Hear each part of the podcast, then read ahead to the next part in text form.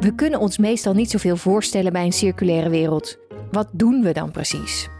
Maar als je niet weet waar je op moet voorbereiden, hoe weet je dan wat je moet doen? En of je genoeg doet? Met die verbeeldingskracht gaan we in deze podcastserie aan de slag. Door steeds samen met een visionair een stukje van de wereld te schetsen zoals die eruit zou kunnen komen te zien in 2030. En verder in 2050. Mijn naam is Klaske Kruk. Zo'n tien jaar geleden raakte ik betrokken bij de eerste circulaire projecten in Nederland. Ik ben oprichter van Circularities en dit jaar ben ik uitgeroepen tot Circular Hero. De wereldbevolking neemt toe en we consumeren steeds meer. Er lijkt een verband te zijn tussen economische groei en de groei van onze afvalberg. Volgens het nieuwste Circularity Gap Report, een initiatief van het World Economic Forum, wordt ruim 90% van alles wat we gebruiken weggegooid. Afval dus. En als we aan afval denken, dan denken we vaak aan verpakkingen. Maar nog belangrijker zijn de artikelen die in die verpakkingen zitten. De kwaliteit en de levensduur van onze spullen gaat achteruit en daardoor wordt hergebruik steeds moeilijker. Daarbij gebruiken we steeds meer spullen en krijgen we dus steeds meer afval. Het moet dus anders. Circulair. Maar hoe maken die transitie naar die circulaire afvalketen? En bestaat zoiets eigenlijk nog wel? Is er nog wel afval in 2030 of 50? Nou, dat is een hele mooie vraag. Uh, op mijn spreekbeurten zeg ik altijd: in 2050 hebben we geen afval meer, maar alleen maar grondstoffen. Dus uh, dan zijn we circulair. Dat is echt het doel. Uh, eigenlijk moeten we nu al starten daarmee, want als het echt afval is, wordt het nooit een grondstof. Dit is Albert van Winden. Hij is adviseur bij K V. Hij was hiervoor onder andere directeur van Bar Afvalbeheer. En hij adviseerde de gemeente Amsterdam, toenertijd als een van de eerste gemeenten bij het opstellen van een nieuw circulair beleidsplan voor afval. Nou, we zeiden toen wel eens gekscherend, Amsterdam is een grondstofrijke stad. Daar worden heel veel grondstoffen weggegooid en dat is eigenlijk zonde. Die willen we zoveel mogelijk eruit halen. Uh, en zo weinig mogelijk restafval ophalen. Albert kan je met recht een afvalspecialist noemen. Of nee, beter nog, hij is expert in het omtoveren van afval naar grondstof. En daarvoor duikt hij, als het moet, een vuilniszak in. Ik heb een keer een... Uh uh, presentatie gedaan in een gemeente waarbij ik gevraagd heb om hun afvalzak mee te nemen.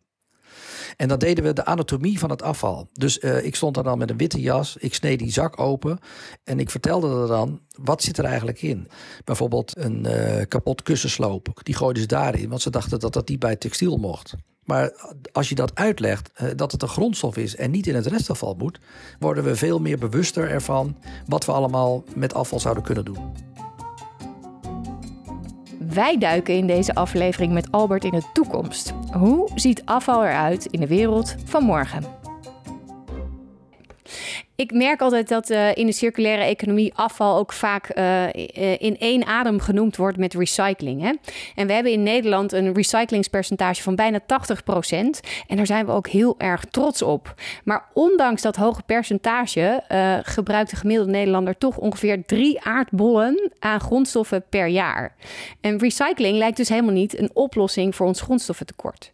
Daarnaast is recycling natuurlijk heel vaak duur, kost veel energie en de kwaliteit van gerecycled materiaal materiaal is vaak zo slecht dat we er niet zoveel meer mee kunnen. Moeten we ons dan wel zo focussen op recycling als we het over afval hebben? Nou, het is heel mooi dat je dat zo zegt. Um, er wordt in Nederland um, heel veel gescheiden. Maar als je werkelijk kijkt naar de kwaliteit van de ingezamelde stromen, dan blijkt er vaak maar 40% gerecycled te kunnen worden. Omdat die vervuiling zo enorm is. En juist die vervuiling, daar moeten we eigenlijk vanaf. En daar kunnen gemeenten ook ontzettend een grote rol in spelen. Van, hebben ze het makkelijk genoeg gemaakt uh, voor de inwoners om hun afval op een zuivere manier, uh, manier te scheiden? Er wordt op het ogenblik ontzettend veel plastic uh, en dranksappen afgekeurd, wat aangeboden wordt, omdat er zoveel ver, vervuiling in zit. En dat is zonde, want dat zijn nou eigenlijk beste stromen die een tweede of een derde of een vierde leven zouden kunnen krijgen. Maar als dat dus niet goed gescheiden wordt en heel veel vervuild wordt, ja, dan wordt dat afgekeurd en komt het alsnog in de oven. Dus er is een verschil tussen een scheidingspercentage eigenlijk moeten we dat woord helemaal niet meer gebruiken. We moeten het hebben over een recyclepercentage. Want dan kunnen we wel het verschil gaan maken. En dan hebben we niet die drie aardbollen nodig. Ja, maar eh, tegelijkertijd is, is het antwoord: we moeten nog beter recyclen door beter te gaan scheiden? Of is het antwoord ook voorkomen van afval? Ja, ja. Kijk, het gaat niet alleen om het recyclepercentage of het scheidingspercentage. De preventie van afval is natuurlijk de beste manier. Uh, want als je geen afval hebt, hoef je het ook niet op te halen, hoef je het ook niet aan te bieden. Dus dat is eigenlijk het makkelijkste. Maar dat wat er geproduceerd wordt, dat moet zo circulair mogelijk geproduceerd worden. En daar zou bijna wetgeving voor zijn. In eh, Scandinavië hebben ze dat inmiddels. Daar mag geen enkel verpakkingsproduct meer op de markt worden gebracht wat niet gerecycled kan worden. En als, dat, als ze dat wel willen, hebben ze daar toestemming van de regering voor nodig. En, de, en alleen op die manier eh, krijgen ze in de Scandinavische landen een veel hoger recyclepercentage dan in Nederland. Ja, en als we in de toekomst kijken, het is nu 2030 of 2050, bestaat uh, zo'n uh, maatregel als in uh, Scandinavië dan ook hier in Nederland? Denk je dat? Ik heb alle verkiezingsprogramma's van de politieke partijen in de Tweede Kamer doorgelezen. Duurzaamheid en recycling staat in elk verkiezingsprogramma op twee partijen na.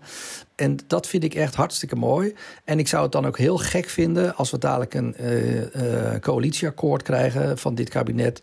Wat uh, waar, waar zeg maar, de, de hele klimaatopgave en de duurzaamheid en de recycling niet in staat. toch zullen we natuurlijk nog wel een hele lange tijd afval hebben voordat afval echt niet meer ontstaat. en dan is recycling natuurlijk wel een oplossing. Er is natuurlijk een heel groot verschil tussen hoogwaardig en laagwaardige recycling en afval. Even voor de duidelijkheid: bij hoogwaardige recycling blijft de kwaliteit van de grondstof ongeveer gelijk, terwijl bij laagwaardige recycling de kwaliteit van het materiaal sterk achteruit gaat. Um, laten we een paar grondstoffen uh, bekijken. En we gaan natuurlijk sturen op dat hoogwaardige. Dus in 2030 maak je borst maar nat. Komt dit eraan? Luister naar Albert. nou, kijk, uh, eh, GFT dat is eigenlijk het nieuwe goud. Uh, GFT, groente, fruit en tuinafval, daar kan je zulke mooie dingen mee maken. Uh, voor het verbouwen van uh, voedsel kan het GFT heel goed gecomposteerd worden. En dan kan die compost die kan, uh, door de landbouwgrond worden gemengd, waardoor er een betere structuur in de aarde komt. Maar uh, je kan die GFT ook eh, gaan vergisten. Dan komt er biogas uit. En dat biogas, daar kan je ook weer auto's op laten rijden of inzamelvoertuigen op laten rijden. Of daar kan je warmte mee maken. Wat daar ook vrij van komt, is bijvoorbeeld CO2. er zijn GFT-verwerkers die CO2 afvangen en dat weer brengen naar ehm, tuinders die kassen hebben om de badgroei te versnellen. En die kan dus mooi die CO2 daar kwijt. Maar er komt ook heel veel warmte van vrij. Dus er zijn echt uh, prachtige stromen van het ingezamelde GFT. Ja. ja, en hoe vaak gebeurt dat nu al en hoeveel gaat dat in de toekomst ja, gebeuren? Dat, dat gebeurt nu nog te weinig. Uh, maar we zien wel de laatste jaren dat GFT een enorme uh, gang opwaarts maakt. Dat iedereen ziet dat het GFT heel goed bruikbaar is en bijna voor 100% te recyclen is. Wat, wat gebeurt er nu veel met biomassa en GFT en wat is laagwaardig? Nou, kijk, uh, er zijn enorm veel biomassa-centrales in Nederland. Uh, oorspronkelijk was dat, uh, had dat een hele mooie toepassing. Want de biomassa, dat zou eigenlijk het hout krijgen wat gesnoeid was, wat niet meer bruikbaar was om andere materialen van te maken. Ehm, en dan is het prima. Dan is het gewoon afval. En dat afval dat wordt dan op een hele goede manier hergebruikt. en wordt een ehm, energie en warmte van gemaakt. Wat we de laatste tijd zien is dat er hout geïmporteerd wordt waarbij bodemen uh, moeten worden gekweekt. En die worden omgehakt, uh, uh, ofwel in Canada of in Scandinavië of waar dan ook.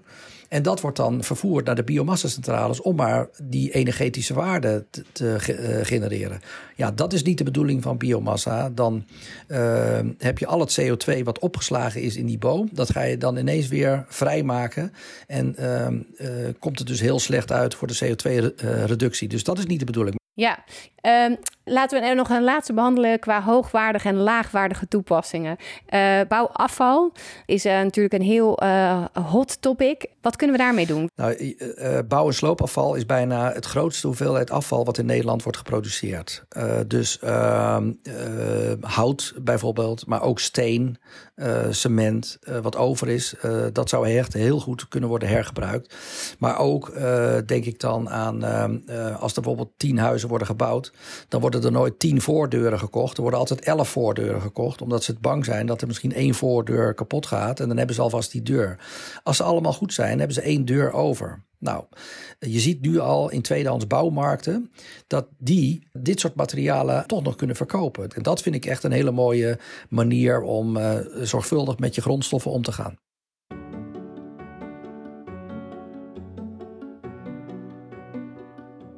Waar we wellicht nog onvoldoende bij stilstaan, is dat ook waterschappen over hele waardevolle grondstoffen beschikken, zoals rioolwater.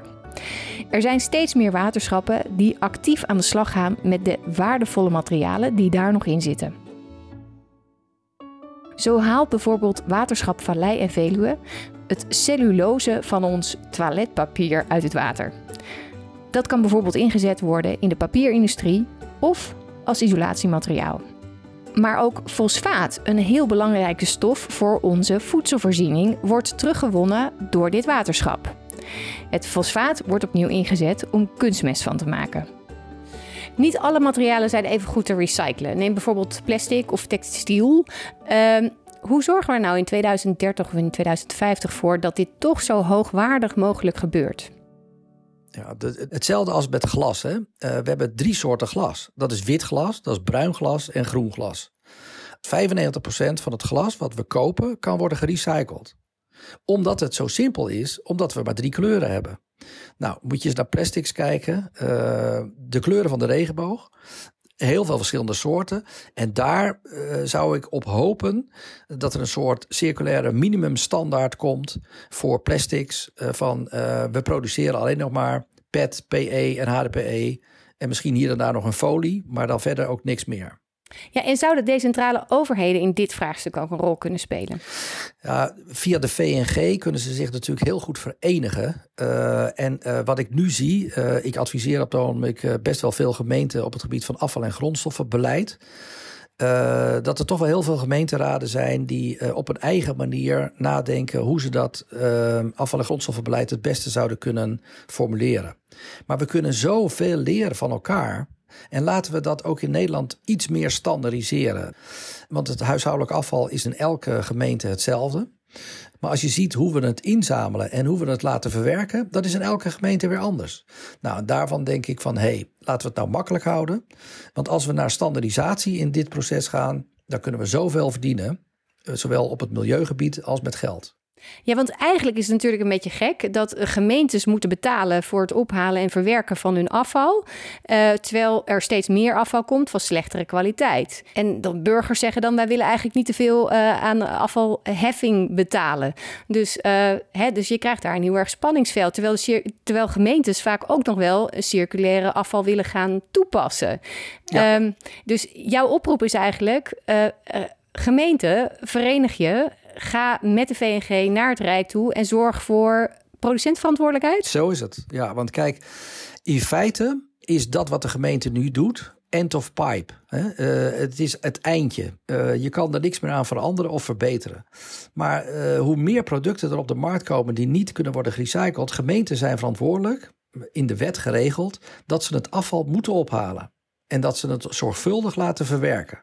Maar hoe kunnen ze het zorgvuldig verwerken als het geen kwaliteit heeft en als het maar eenmalig ge gebruikt kan worden? Dus, uh, nou ja, die oproep die je zegt van gemeente verenigt u. Uh, richting het kabinet uh, duidelijk te maken van waar de gemeente eigenlijk mee zit en hoe het Rijk ze daarmee kan helpen.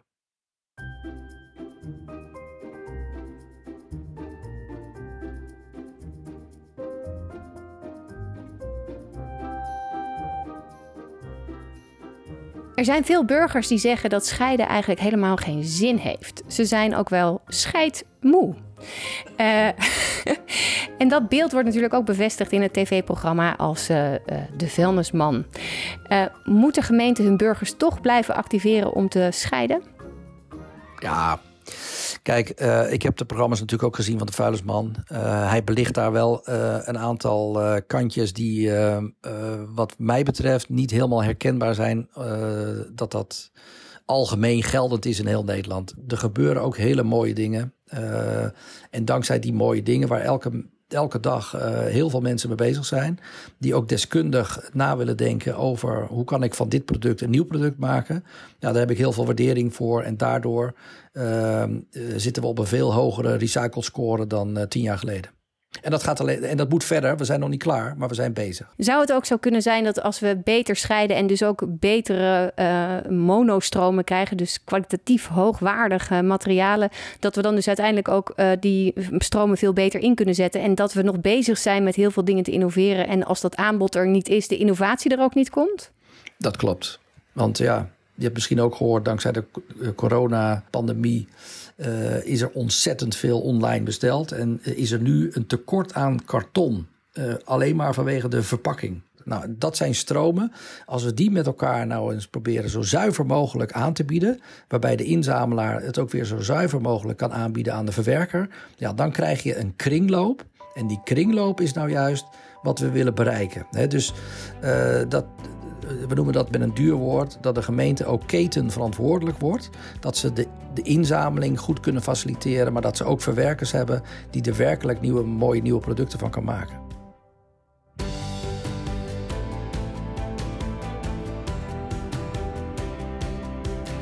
Dat inzetten op kringlopen, waarbij de verwerker ook weer een mooi nieuw product kan maken van het afval, daar zet ze op in bij Cirkelwaarde. Een alliantie van drie verschillende afvalorganisaties.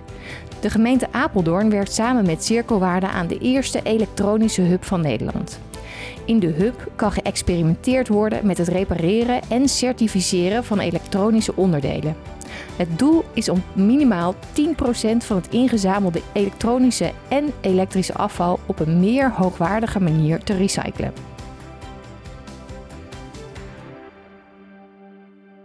Um, het kan zo zijn dat je als gemeente um, ontzettend goed aan het scheiden bent. Dat je je, je zogenoemde vangdoelstellingen ook haalt. Um, maar dat het vrij weinig milieuwinst oplevert, omdat de grondstof uiteindelijk niet eh, goed gerecycled wordt uh, of zo hoogwaardig mogelijk wordt ingezet. Wat kunnen gemeentes er nou aan doen, zodat die inspanningen ja, niet voor niks zijn geweest? Nou, ik denk dat het heel erg veel te maken heeft ook met de aanbestedingen die alle gemeentes moeten doen als ze uh, een hele berg afval hebben. En dat de gemeente alleen nog maar aan partijen verhandelt onder de voorwaarde dat het uh, goed uh, en zorgvuldig uh, wordt gerecycled, waarbij er aangegeven wordt wat er eigenlijk mee gebeurt. Het is heel bijzonder dat koeien allemaal met zo'n gele oorbel lopen. dat als ze geslacht worden, dat we precies kunnen zien waar die koe heeft gelopen en waar het vlees terecht is gekomen. Nou, die, dat volgen van dat afval, dat zou eigenlijk dat zouden we eigenlijk veel meer moeten doen. Een soort blockchain-technologie moeten toepassen op die afvalstroom. Dat als de gemeente het aanbesteedt aan een bepaalde partij, ze ook aan de burgers terug kunnen laten zien: kijk eens even, wij hebben dat aan die aanbesteed, dit krijg je ervoor terug. En dan verdwijnt misschien ook wel de scheidmoeheid. Zo is het. Want ik heb een aantal gemeenten gevraagd als mensen bijvoorbeeld heel slecht hun afval scheiden. Van waar, wanneer ga je nou beter afval scheiden? Uh, eh, 86% van heel veel ondervraagden zei toen: Als we weten wat er van gemaakt wordt. En toen dacht ik: Wauw.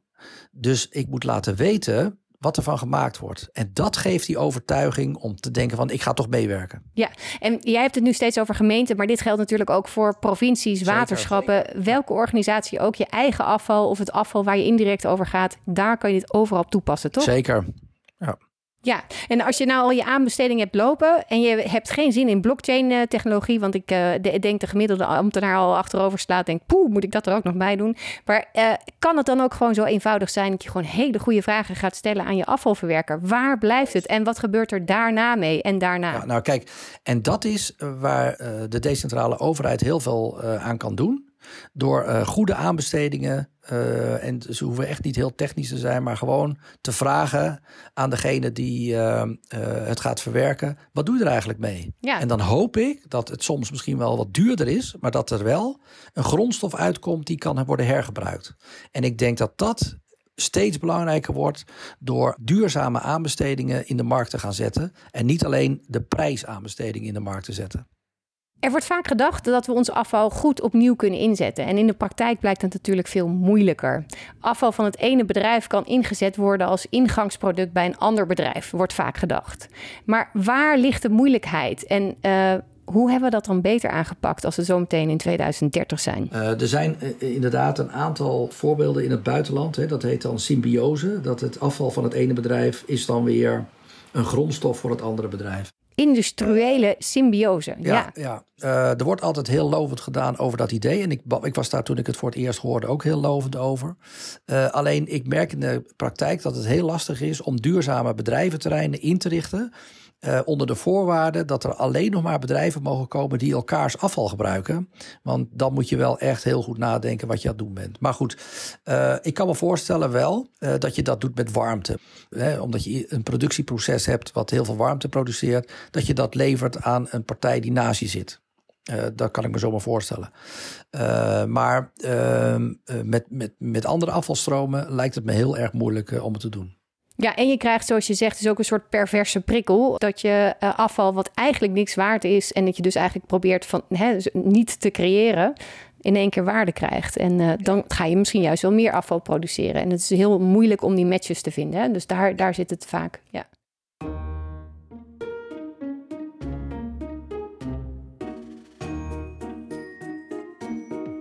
Ja, um, decentrale overheden kunnen een grote rol spelen volgens mij in die hele afvalproblematiek. Een hele grote rol, omdat zij en het voorbeeld kunnen zijn en ze zijn wettelijk verplicht om het afval uh, op een goede manier uh, uh, in te zamelen. en een goede manier bedoel ik dan zo zuiver mogelijk gescheiden in te zamelen. en een hele goede rol in het aanbesteden van het afval, dat dat ook duurzaam wordt verwerkt. En gemeenten zijn vaak aandeelhouder van een afvalinzamelaar, toch? Dus ja, kijk, dan zou het helemaal uh, makkelijk kunnen ja, zijn? Het gaat nog niet eens zozeer al vaak over die inzamelaar. Want die inzamelaar die, die kan natuurlijk inzamelen wat er aan de straat wordt gezet. Maar de verwerker die heeft een belangrijke rol uh, om het op een goede manier te verwerken. En daar moeten goede afspraken over gemaakt worden in het kader van die ketenverantwoordelijkheid. Ja, duidelijk verhaal. Maar je zei net ook al meerdere keren: het allerbelangrijkste is eigenlijk het voorkomen van afval. Ik kan je daar nog eventjes de mogelijkheden voor decentrale overheden op een rij zetten. Wat kan je er nou precies aan doen om het, dat afval te voorkomen? Ja, nou, de, communicatie daarover is denk ik heel belangrijk. Uh, duidelijk maken van uh, dat je afval kan maken, maar dat je afval ook kan voorkomen. En uh, ja, uh, voorbeelden geven. Uh, waarbij op de website van de gemeente ook al wordt verwezen naar uh, winkels of bedrijven die heel duurzaam producten aanbieden. dus als je brood nodig hebt, of als je meubels nodig hebt, of als je uh, nou ja, wat dan ook nodig hebt, ga dan naar die winkel. Uh, want die doet het op een hele duurzame manier. Daar hebben ze een bepaalde categorisering in aangebracht. Uh, met sterren, waarbij je ook kan zien van... hé, hey, als ik daar koop, weet ik in ieder geval dat het duurzaam geproduceerd is... of dat het hergebruikt kan worden of dat het 100% circulair is. Je zou natuurlijk ook heel goed kunnen denken aan uh, hoe zorg ik nou? We hebben allemaal uh, een auto voor de deur staan. Uh, hè, die gebruiken we één uur per dag, 23 uur niet. en hetzelfde geldt natuurlijk voor een boor. De meeste mensen gebruiken hem vier keer per jaar zo ongeveer. Of een ladder enzovoort. Waarom zouden we hem allemaal zelf kopen? Dat is eigenlijk al een hele mooie manier om dingen niet te hoeven aanschaffen. Dat scheelt nog eens wat materialen. Wat kunnen gemeentes daarin doen? Nou, de, zeggen van over vier jaar is onze gemeente uh, zoveel procent duurzamer geworden, omdat wij uh, hoekjes hebben ingericht waar overtollige materialen kunnen worden neergezet die nog goed bruikbaar zijn voor andere mensen. Uh, of dat je een kledingwinkel de ruimte geeft om kleding niet te kopen, maar die te lenen. Uh, en die je dan na verloop van tijd weer terugbrengt. Nou, dat zijn dingen uh, waarbij je de afvalketen veel sexier maakt dan het nu is. Uh, en het ook veel leuker maakt voor ambtenaren om dat uh, te gaan inrichten en dat te gaan bedenken. Zo wordt afval dus eigenlijk ook nog een best wel sociaal onderwerp. Zeker. Ehm, kijk, we zijn al heel lang bezig om na te denken van hoe moeten we nou met deze aarde omgaan. Maar het kan ook heel snel gaan. dat zag je maar met corona. dat we ineens elkaar niet meer een hand mochten geven, is ook bijna binnen een maand, twee maanden georganiseerd. En nu vinden we het gek als we iemand een hand geven. Dus uh, mensen kunnen wel veranderen, maar die urgentie moet dan duidelijk zijn dat als we dit niet doen, dat het dan de foute kant op gaat. En dat is eigenlijk wat we veel meer op een positieve manier moeten brengen. Dat we veel meer met afval kunnen dan we ooit dachten. En dan, dan wordt afval en ik veel leuker dan alleen maar ik haal het op en ik breng het weer weg.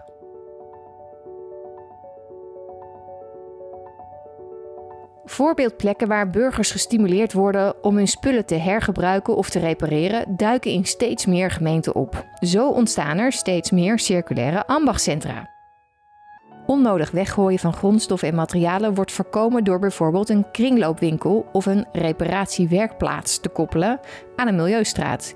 En vaak wordt er samengewerkt met een onderwijsinstelling. Ook in Zwolle heeft de gemeente zo'n circulair ambachtcentrum helpen opzetten. Opvallend genoeg leverden veel burgers hier hun Donse dekbed in. En hier heeft de gemeente een oplossing voor gezocht. De dekbedden worden ingeleverd bij Ducky Dons, een bedrijf dat het dons reinigt en er nieuwe kussens en dekbedden van maakt. We hebben heel veel behandeld in deze podcast en heel veel thema's zijn aan bod gekomen. Kan jij ons nog één keer meenemen? Hoe ziet afval eruit in 2030? Hoe ziet de wereld er dan uit op dit vakgebied? Nou, uh, de wereld in 2050 uh, is een wereld zonder afval. We hebben alleen nog maar grondstoffen. We zijn heel inventief geworden om te gaan lenen, om niks meer zelf te hebben, maar alleen maar te gebruiken wat we nodig hebben. we zijn gelukkiger daardoor geworden, omdat we dingen van elkaar nodig hebben en het daardoor veel socialer wordt. Dus we hoeven niet allemaal een eigen boordje of een eigen autootje, maar we hebben een gemeenschappelijke auto en we maken meer afspraken met elkaar. En uh, we zitten niet alleen maar binnen, maar we lopen juist heel veel buiten om te genieten van de natuur. Uh, we zien hoe, het hoe, het, hoe ons GFT compost is geworden in de gemeentetuintjes. We zien dat de natuur uh, veel groener is geworden. Dus volgens mij kunnen we een betere wereld maken door na te denken hoe we omgaan met het afval, maar ook welke materialen we kopen. En we kopen alleen nog maar dingen die hergebruikt kunnen worden.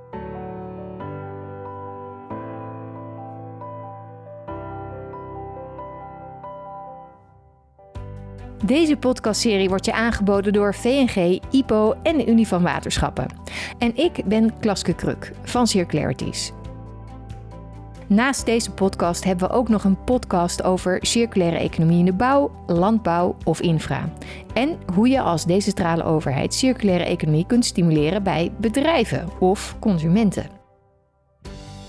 Wil je meer weten over hoe je die circulaire economie in je dagelijkse werkzaamheden integreert? Lees dan het Verschilmakers magazine, waarin ambtenaren in persoonlijke diepte-interviews je precies uitleggen hoe zij te werk zijn gegaan.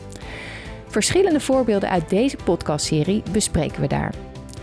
Je vindt het magazine op deverschilmakers.nl. Heb je vragen of wil je verder in gesprek? Neem dan contact met me op via klaske.circularities.com.